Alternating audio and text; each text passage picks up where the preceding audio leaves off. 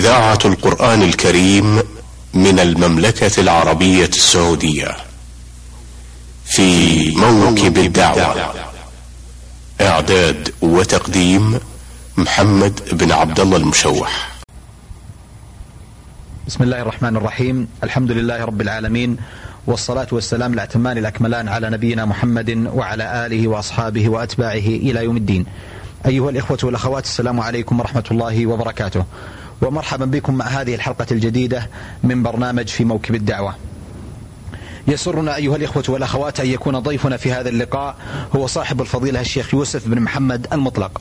وقد استعرضنا في الحلقة الماضية آه، شيئا من حياته وسيرته ثم انتقلنا إلى بعض الجوانب الدعوية التي آه، وجه الشيخ آه، حفظه الله تعالى رأيه فيها. بودنا في الحقيقة أن ننتقل إلى جانب آخر. من الجوانب المتعلقة بفضيلة الشيخ يوسف بن محمد المطلق. ألا وهو جانب الرؤى والأحلام وهو جانب مهم اشتهر عن الشيخ يوسف إلمامه وقدرته فيه. بودنا في الحقيقة في مطلع هذا اللقاء أن نتعرف على البدايات التي كانت مع الشيخ يوسف في هذا الجانب. كيف كانت علاقتكم بهذا الموضوع؟ بسم الله الرحمن الرحيم. الحمد لله رب العالمين. والصلاة والسلام على سيد المرسلين. أه، سبق أن تكلمنا عن مبدأ هذه الحياة وبقي كلمة خاطفة ضاق عنها الوقت تستغرق الدقيقة أو الدقيقتين بمشيئة الله تعالى. وقد لمحنا عن جوانب من الدعوة إلى الله عز وجل. لكن لا ننسى إيه، بيان المسؤولية في عصرنا الحاضر. الأجيال قادمة إلى فتن كثيرة مدلهمة قد يصعب أن تقاوم هذه الفتن كما قال النبي صلى الله عليه وسلم إنها ستكون فتن كقطع الليل المظلم. يصبح الرجل مؤمنا ويمسي كافرا أو يمسي مؤمنا ويصبح كافرا يبيع دينه بعرض من الدنيا. آه، بهذا الحسبان ينبغي لنا أن تتشكل الإدارات من أصحاب العلم والفكر والبعد والنظر والغيرة على الإسلام. هذه المجالس سواء كانت تطوعية أو كانت رسمية. ولا شك أن هذا لا ينافي وجود آه، إدارات أو أقسام أو أقسام علمية في هذا الشأن لكنها تختلف بحسب هذه المسؤولية.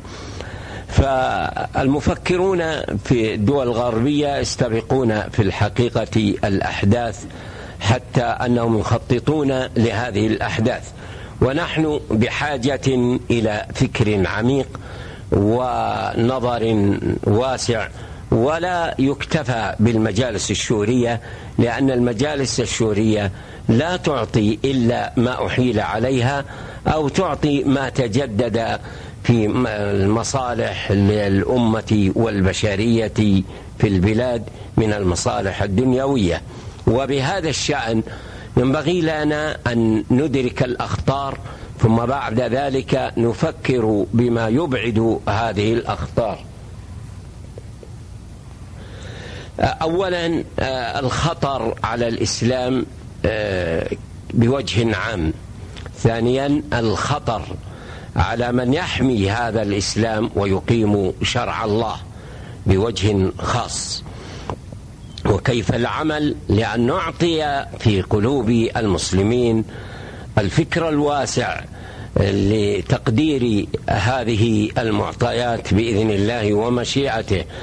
لأنه إذا حل شيء غير الإسلام وغير وحل غير دين الإسلام فإن هذه الأمة تنتهي ولا كرامة لها بعد ذلك ولا عزة بل تشبه الأنعام. لا تعرف حراما ولا تمسك بمعروف. ففي هذه الحال لابد أن نقوم بهذين الأصلين فكرا واجتهادا ونصحا ودعوة وإبلاغا وترتيبا. لحماية هذين الأمرين. الأمر الأول بوجه عام الإسلام والأمر الثاني بوجه خاص حماية من يحمي ويقوم بهذا الإسلام. والعقلاء يريدون يعرفون ذلك بالإشارات ويدركون الأخطار باللحظات بمشيئة الله تبارك وتعالى. الجانب الثالث لابد أن نستغل الأقمار الصناعية بوجه خاص وبوجه عام. أما بوجه عام فهو بيان هذا الإسلام لعموم البشرية. أما بوجه خاص فهو الرد على الشبه وعلى ما ينشر ضد هذا الإسلام وما يفعله الآن من عصابات اليهود وأشباههم من العمل ضد الإسلام. واليهود والنصارى قد في سابق الزمن قد عملوا ما هو أعظم وحاولوا رسول الله صلى الله عليه وسلم فكيف بعد أربعة عشر قرنا؟ لنسمع قول الله تعالى. ولن ترضى عنك اليهود ولا النصارى حتى تتبع ملتهم. قل إن هدى الله هو الهدى ولئن اتبعت أهواءهم بعد الذي بعد الذي جاءك من العلم ما لك من الله من ولي ولا نصير. ومن هنا أيضا ننظر إلى الجوانب الأخرى الذي يقوم بها أعداء الإسلام والمسلمين للنيل من الإسلام وللنيل من عبادات هذا الدين وللنيل من تقاليد المسلمين الشرعية. وهذا تعظم مسؤوليته على العلماء من الدكاترة وفي الجامعات خاصة. فالله سائلهم ومحاسبهم. وهذا لا ينافي ما لهم من أجر وثواب في تأدية رسالات بالجامعة وتأدية رسالات في بعض الميادين. ولعلنا نكتفي بذلك لنترك الفكر بالفكر ولنترك الفكر بالتوفيق في هذه المجالات وهذه الميادين وما أدراكم أن الله يمن على علماء المسلمين ويجعلون الضوء في العالم كله حتى يخرجوا العباد من الظلمات إلى النور. الله ولي الذين آمنوا يخرجهم من الظلمات إلى النور والذين كفروا أولياؤهم الطاغوت يخرجونهم من النور إلى الظلمات. أولئك أصحاب النار هم فيها خالدون. فيجب على المسلمين وعلى علمائهم أن يستيقظوا لهذه المسؤولية وللأخطار المحدقة من كل جانب وعلى الأجيال في مستقبل الأيام. وليست الدعوة في الحقيقة ما يفعله بعض من الناس الذين حصل عليهم ضغط نفسي فأصبحوا يسبون وأصبحوا يشتمون وأصبحوا يفترون وأصبحوا يقولون ما ليس لهم به من علم والله هو المحاسب لهذه الفئات. والأبواق في الحقيقة قد فتحت ما فتحت على المسلمين لكن العقلاء من المسلمين.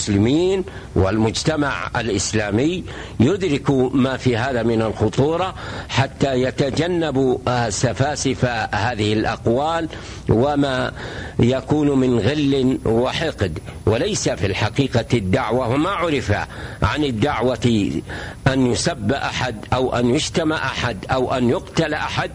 إلا بالجهاد في سبيل الله إذا توفرت شروطه ودعا به إمام المسلمين. لكن ينبغي لنا أن نتقي الله وعلى جميع المسلمين من علماء وحكام وعقلاء و مرشدين انهم يتنبهوا لهذه الاخطار على اجيالهم فالله سائلهم ومحاسبهم عن هذه الامم التي انهارت والتي تتحول من ساعه شر إلى ما هو اسوا.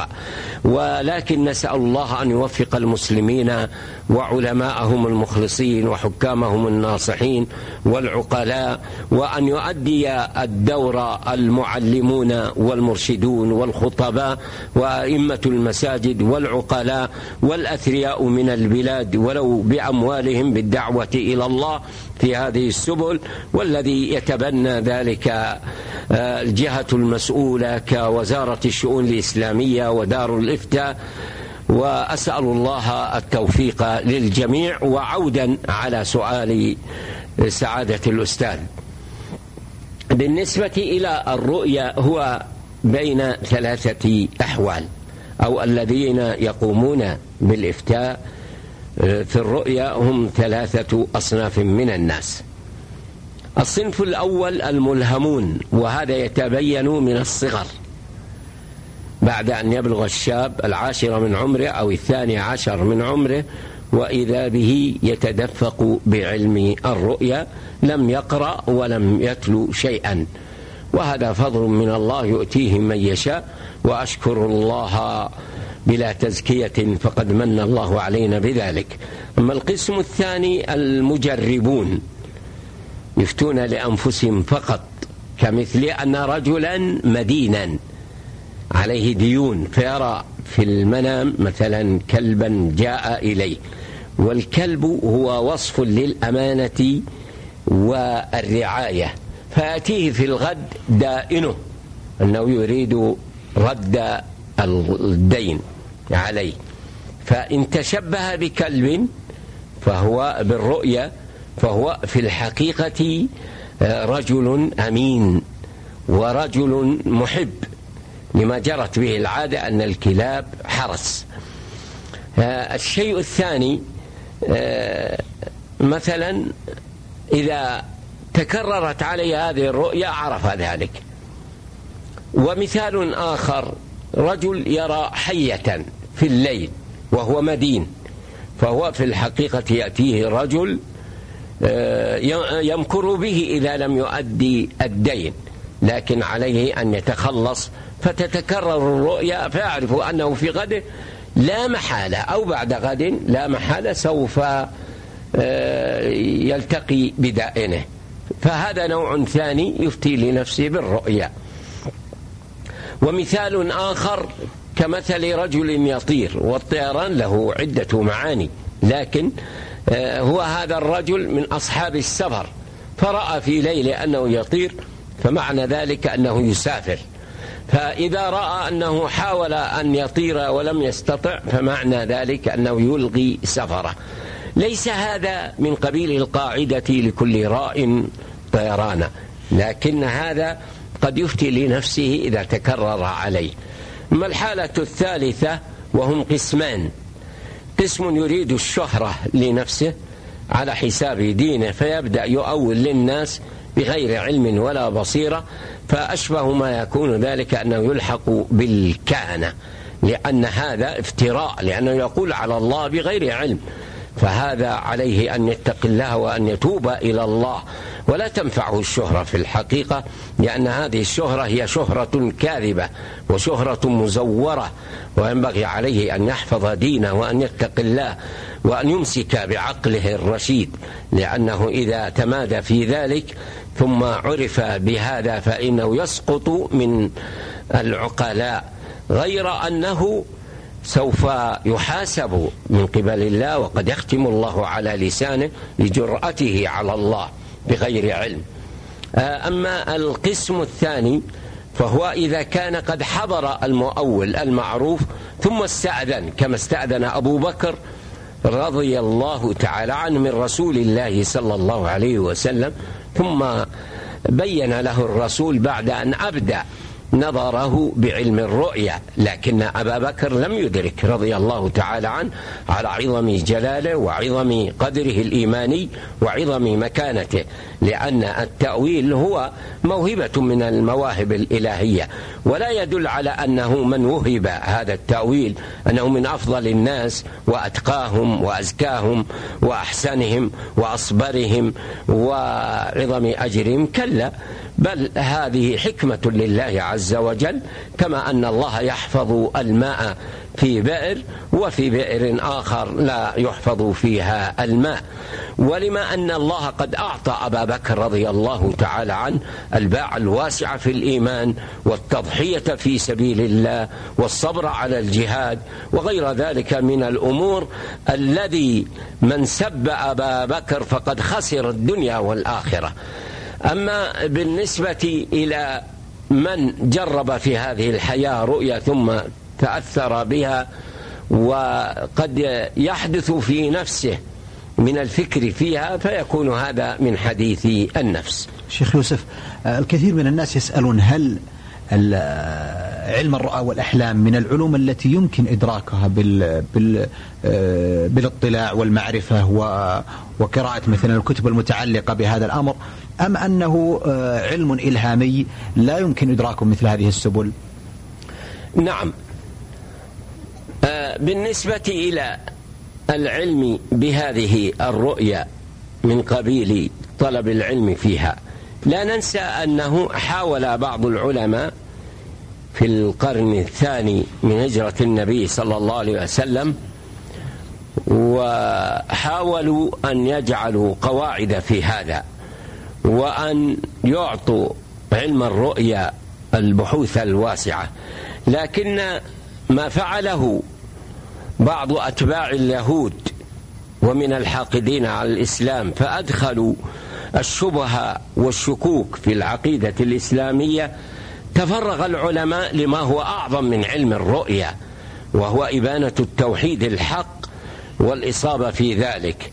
كيف لو أنهم نظروا إلى مجتمعنا إلى مجتمعنا اليوم الذي انتشر في بعض الشعوب عبادة القبور وتقديس المقبورين وأنهم جعلوهم كالكعبة يطوفون حولهم وأنفقوا الأموال الطائلة في تعظيم هذه الوثنيات وما حصل أيضا من تعظيم السحرة عبدة الجن وما شابه ذلك. الشاهد في ذلك أنه حاولوا فلم يتفرغوا لاهتمامهم بما هو أعظم وأهم. إذا هناك من تابعهم على مدى هذه القرون وخاصة في وقتنا هذا الذي ألف بعض المؤلفين يريدون أكل أموال الناس بالباطل بغير حق فأدخلوا في علم الرؤيا من تأويلاتهم أما الشيء الذي ثبت عن النبي صلى الله عليه وسلم فلا غبار عليه. وأما بالنسبة إلى تأويلات من رأى كذا يكون كذا ومن رأى كذا يكون كذا فهؤلاء مرتزقة.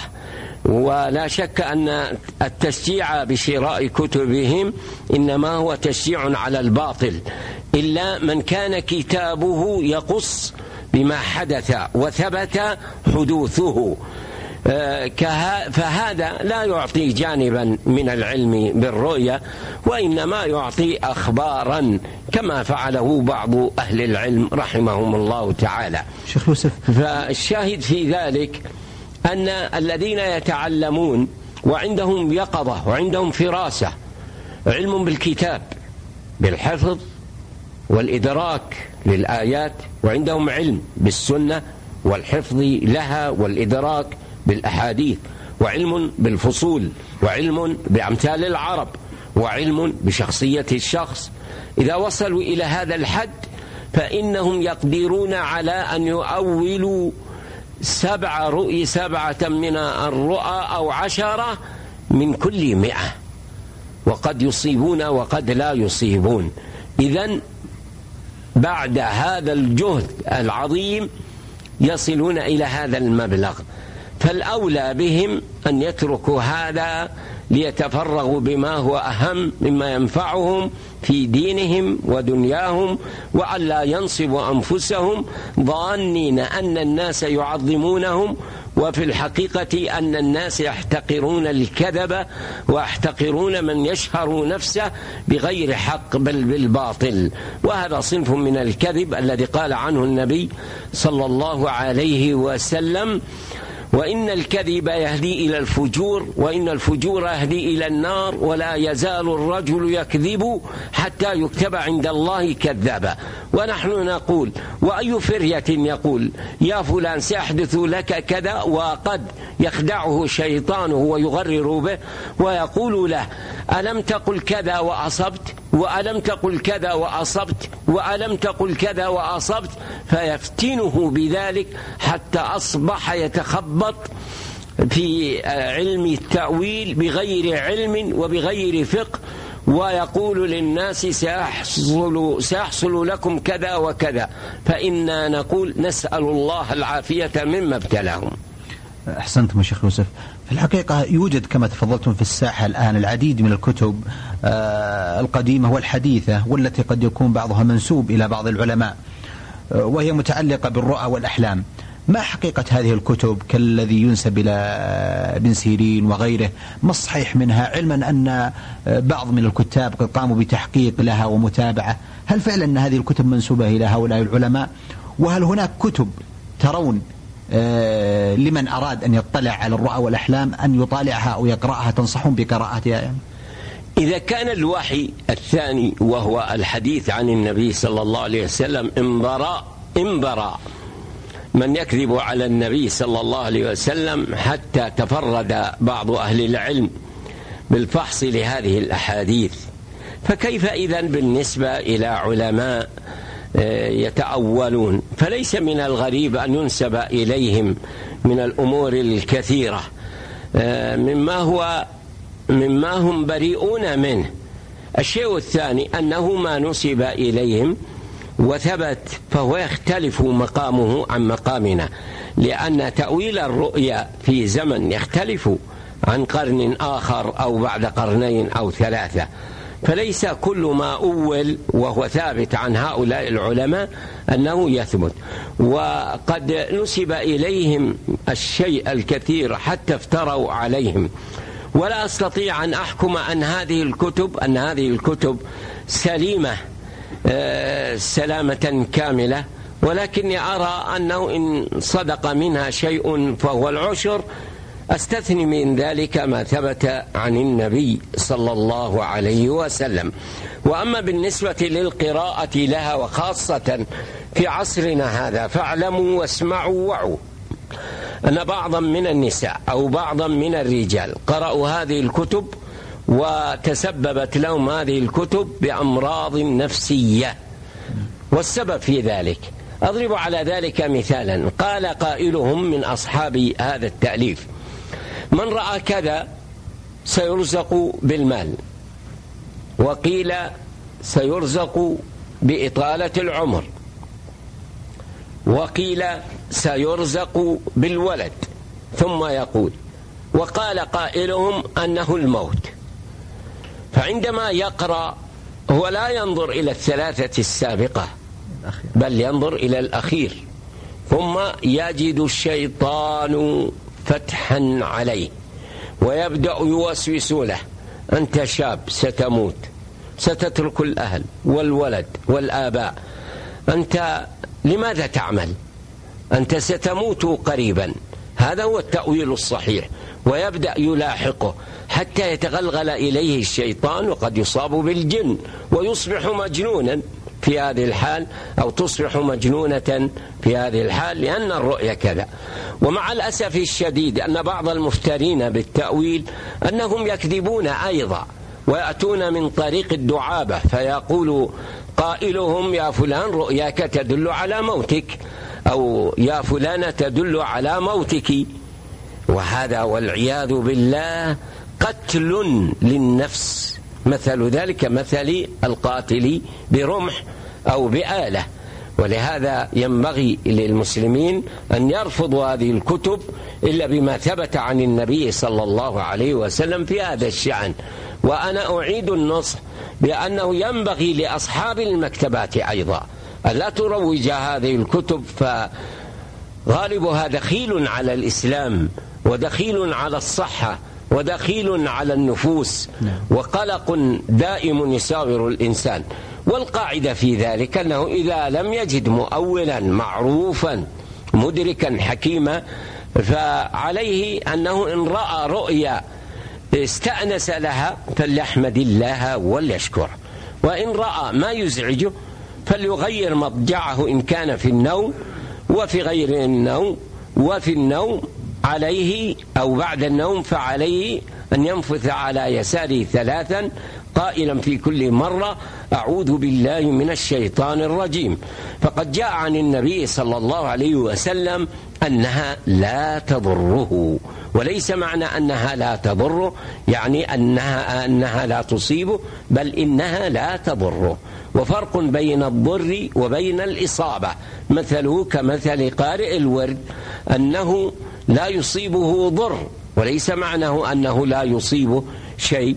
قد يلدغ الإنسان بعقرب وهو قد قرأ ورده لكن الحديث يثبت أن آه، لدغ هذه العقرب لا تضره ولدغ هذه الحية لا تضر, لا تضر وهكذا آه، شيخ يوسف آه، هناك نقطة مهمة نريد أن نريد أو نحب أن نوضحها للإخوة المستمعين والمستمعات وهي الفرق بين الرؤى والأحلام. هناك كثير من الناس يخلطون بين هذين الأمرين. بطبيعة الحال الرؤيا هي أو المنام على ثلاثة أحوال كما صنفها النبي صلى الله عليه وسلم. الأول رؤيا وهي جزء من ست وأربعين جزءا من النبوة. وليس معنى ذلك أنها جزء من ست وأربعين جزءا من النبوة بمعنى أنها لا تعطي الصدق إلا بواحد من ست وأربعين جزء. كلا ولكن المقصود في ذلك أنها كالوحي لكن لا يقام عليها حكم. وليست الرؤيا إلا رموز. ليس معنى أنك لو رأيت فلانا جاء وفعل كذا. أنك إذا أصبحت تعرف أنه سيفعل كذا. كلا. بل هي رموز. لا يفك رموزها إلا من آتاه الله هذا العلم. فهي جزء من ست وأربعين جزء وهذه الرؤيا الصالحة وفي آخر الزمان تأتي المبشرات وهن الرؤى الصالحة. كما أخبر النبي صلى الله عليه وسلم. وقد كان النبي صلى الله عليه وسلم يسأل أصحابه من رأى منكم رؤيا؟ و من القرآن الوحي المنزل إنا أعطيناك الكوثر وهذه رؤيا. ورؤى الأنبياء على حقيقتها في الغالب كما حصل لابتلاء الله لإبراهيم عليه السلام. أما القسم الثاني حديث نفس. ومثال حديث النفس أنه يفكر بشيء فيراه في منامه. ينقلب في دماغه. آه، أما القسم الثالث وهو الحلم والحلم من الشيطان بمعنى أنه يأتيه الشيطان على سبيل المثال ما سمى بالله عند مضجعه فجاءه الشيطان ويصور له أهوالا عجيبة فهذا ليس عليه من ضر لأنه من الشيطان والمؤمن إذا استعاذ بالله من الشيطان كفاه الله. أحسنتم فضيلة الشيخ. ورد أيضا فضيلة الشيخ أن آه، الرؤيا آه، يعني وكأنها على جناح طائر فإذا فسرت وقعت. هل هل وقع لكم فضيلة الشيخ يوسف مواقف تحرجتم فيها من تفسير بعض الرؤى نتيجة آه، لما قد يقع وراء ذلك؟ اولا هذا الحديث فهمه بعض أهل العلم وبعض أهل العلم لم يفهمه في الحقيقة. فالرؤيا مجهولة. الرؤيا مجهولة. ومعنى مجهولة أي أنه جهل التأويل ماذا سيحدث للإنسان؟ ومعنى أن على جناح طائر ما لم تعبر أي مجهولة حتى تعبر. وليس أن الذي يعبر يكون قد كشف علمها فالمعبرون كثيرون حتى العجائز والأطفال والخدم بدأوا يؤولون في البيوت عندما تعرض رؤيا. لكن في الحقيقة أن التأويل هو عند المؤول الموفق المعروف بذلك بمشيئة الله تعالى. فهي معنى ذلك أنها مجهولة إلا إذا أولها مؤول وإلا لو وإلا لو اجتمع آلاف من الناس على أن يؤولوا في رؤيا واحدة لم يعتبروا في الصواب ما لم يكن قوله قد وافق ما في القضاء والقدر وأن الله أراد ذلك. لأن من علم الرؤيا هو الابتلاء بشيء من الخوف. فقد يبتلى العبد برؤيا ثم تبدأ المخاوف في قلبه. يبتلى بالخوف. ما من خوف في الحقيقة يدور حوله ولكن الله ابتلاه بهذه الرؤيا. فينبغي للمؤمن أنه عندما يعبرها يعبرها للمحبين الذين يحبون النعمة لصاحب الرؤيا. أما إذا كان في المجلس جهلة أو مدعون بالتأويل بغير حق أو سفهاء فعليه أن يكتم رؤية لكن إذا كانت الرؤيا سيئة هل من حق المعبر أن يعبرها حتى ولو كانت خلاف ذلك؟ أحسنت. فاتني فاتتني هذه النقطة. أولا أن الرؤيا السيئة في علم الناس أجمعين أنها ضارة والحقيقة أن هذا فهم خاطئ. فالرؤيا السيئة لها معان كثيرة منها ما يكون من حديث النفس ومنها ما يكون من وساوس الشيطان ومنها ما يكون فيه خير منها ما يكون فيه خير.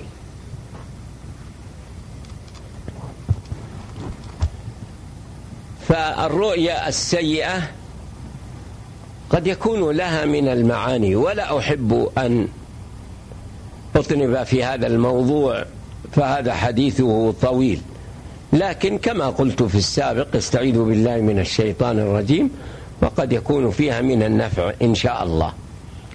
أه، شيخ يوسف الحقيقة قد يوجد من بعض الناس مع الأسف الشديد وخصوصا في آه، بعض المحيطات آه، كالنساء وغيرهم أو بعض الرجال أيضا آه، أنه يطلب تعبير رؤيا وقد يكون كاذب فيها فما خطر هذا الأمر؟ أحسنت. ورد في الحديث عن النبي صلى الله عليه وسلم من بما إيضاحه من قال رأيت وهو لم يرى كلف يوم القيامة أن يعقد بين شعيرتين.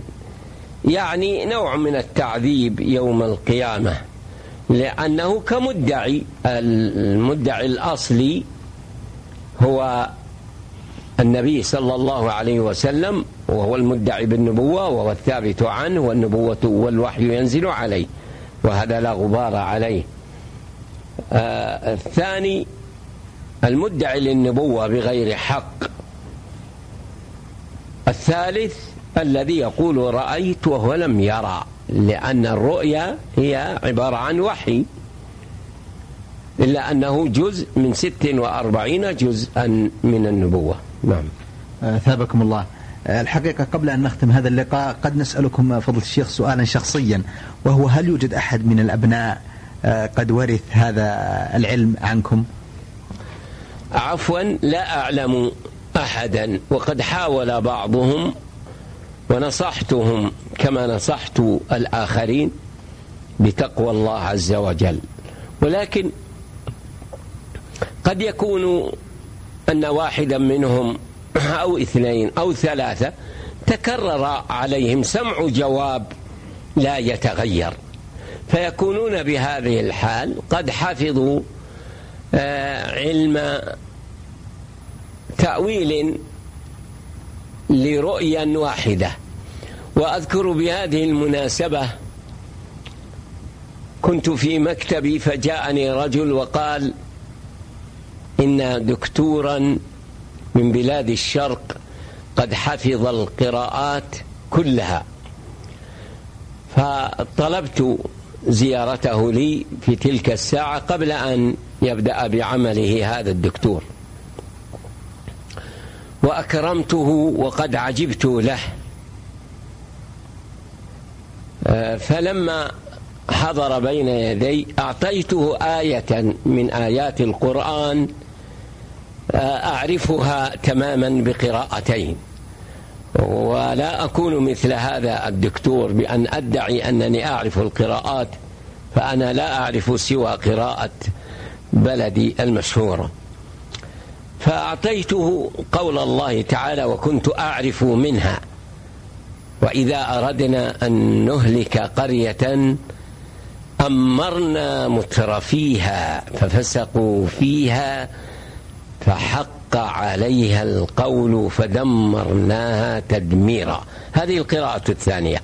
والقراءة المشهورة أمرنا مترفيها فعرضت عليه هذه الآية لأفهم عنه معرفته للقراءات كلها. فقال أنا لا أعرف سوى آيتين في ثلاث قراءات فقط. فسكت مبتسما وطلبته أن يقرأ علي هذا. فالشاهد أنني أجد مثلا أحدا يؤول على تأويل كما يفعل بعض العامة عندما يسمع مفتيا أفتى شخصا فينقل هذه الفتوى لمثل سؤال هذا الشخص وقد يكون العالم هذا أفتى بالفتوى التي تلائم هذا الرجل. كمسن أو شاب عند تقبيل زوجته في الصيام؟ هل يصح أم لا؟ والفرق بينهما معروف فأحمل هذا العام فيضر غيره. ولهذا أنصح كل سامع سواء كان من الأبناء أم كان من غيرهم أنهم يتقوا الله وألا يتجرأوا على مثل هذه الأمور. أثابكم الله فضيلة الشيخ. أيها الإخوة والأخوات كنا وإياكم طوال هذه الدقائق الماضية في حديث طيب ممتع مبارك مع صاحب الفضيلة الشيخ يوسف بن محمد المطلق آه، في حلقة آه، كانت جديدة من برنامجكم في موكب الدعوة. في ختام هذا اللقاء أتوجه بالشكر الجزيل بعد شكر الله سبحانه وتعالى إلى صاحب الفضيلة الشيخ يوسف محمد المطلق على إتاحته هذه الفرصة لهذا اللقاء المبارك وآمل بإذن الله تعالى أن يكون لنا لقاءات قادمة بإذن الله تعالى معه. وإلى اللقاء. والسلام عليكم ورحمة الله وبركاته. في موكب الدعوة. إعداد وتقديم محمد بن عبد الله المشوح.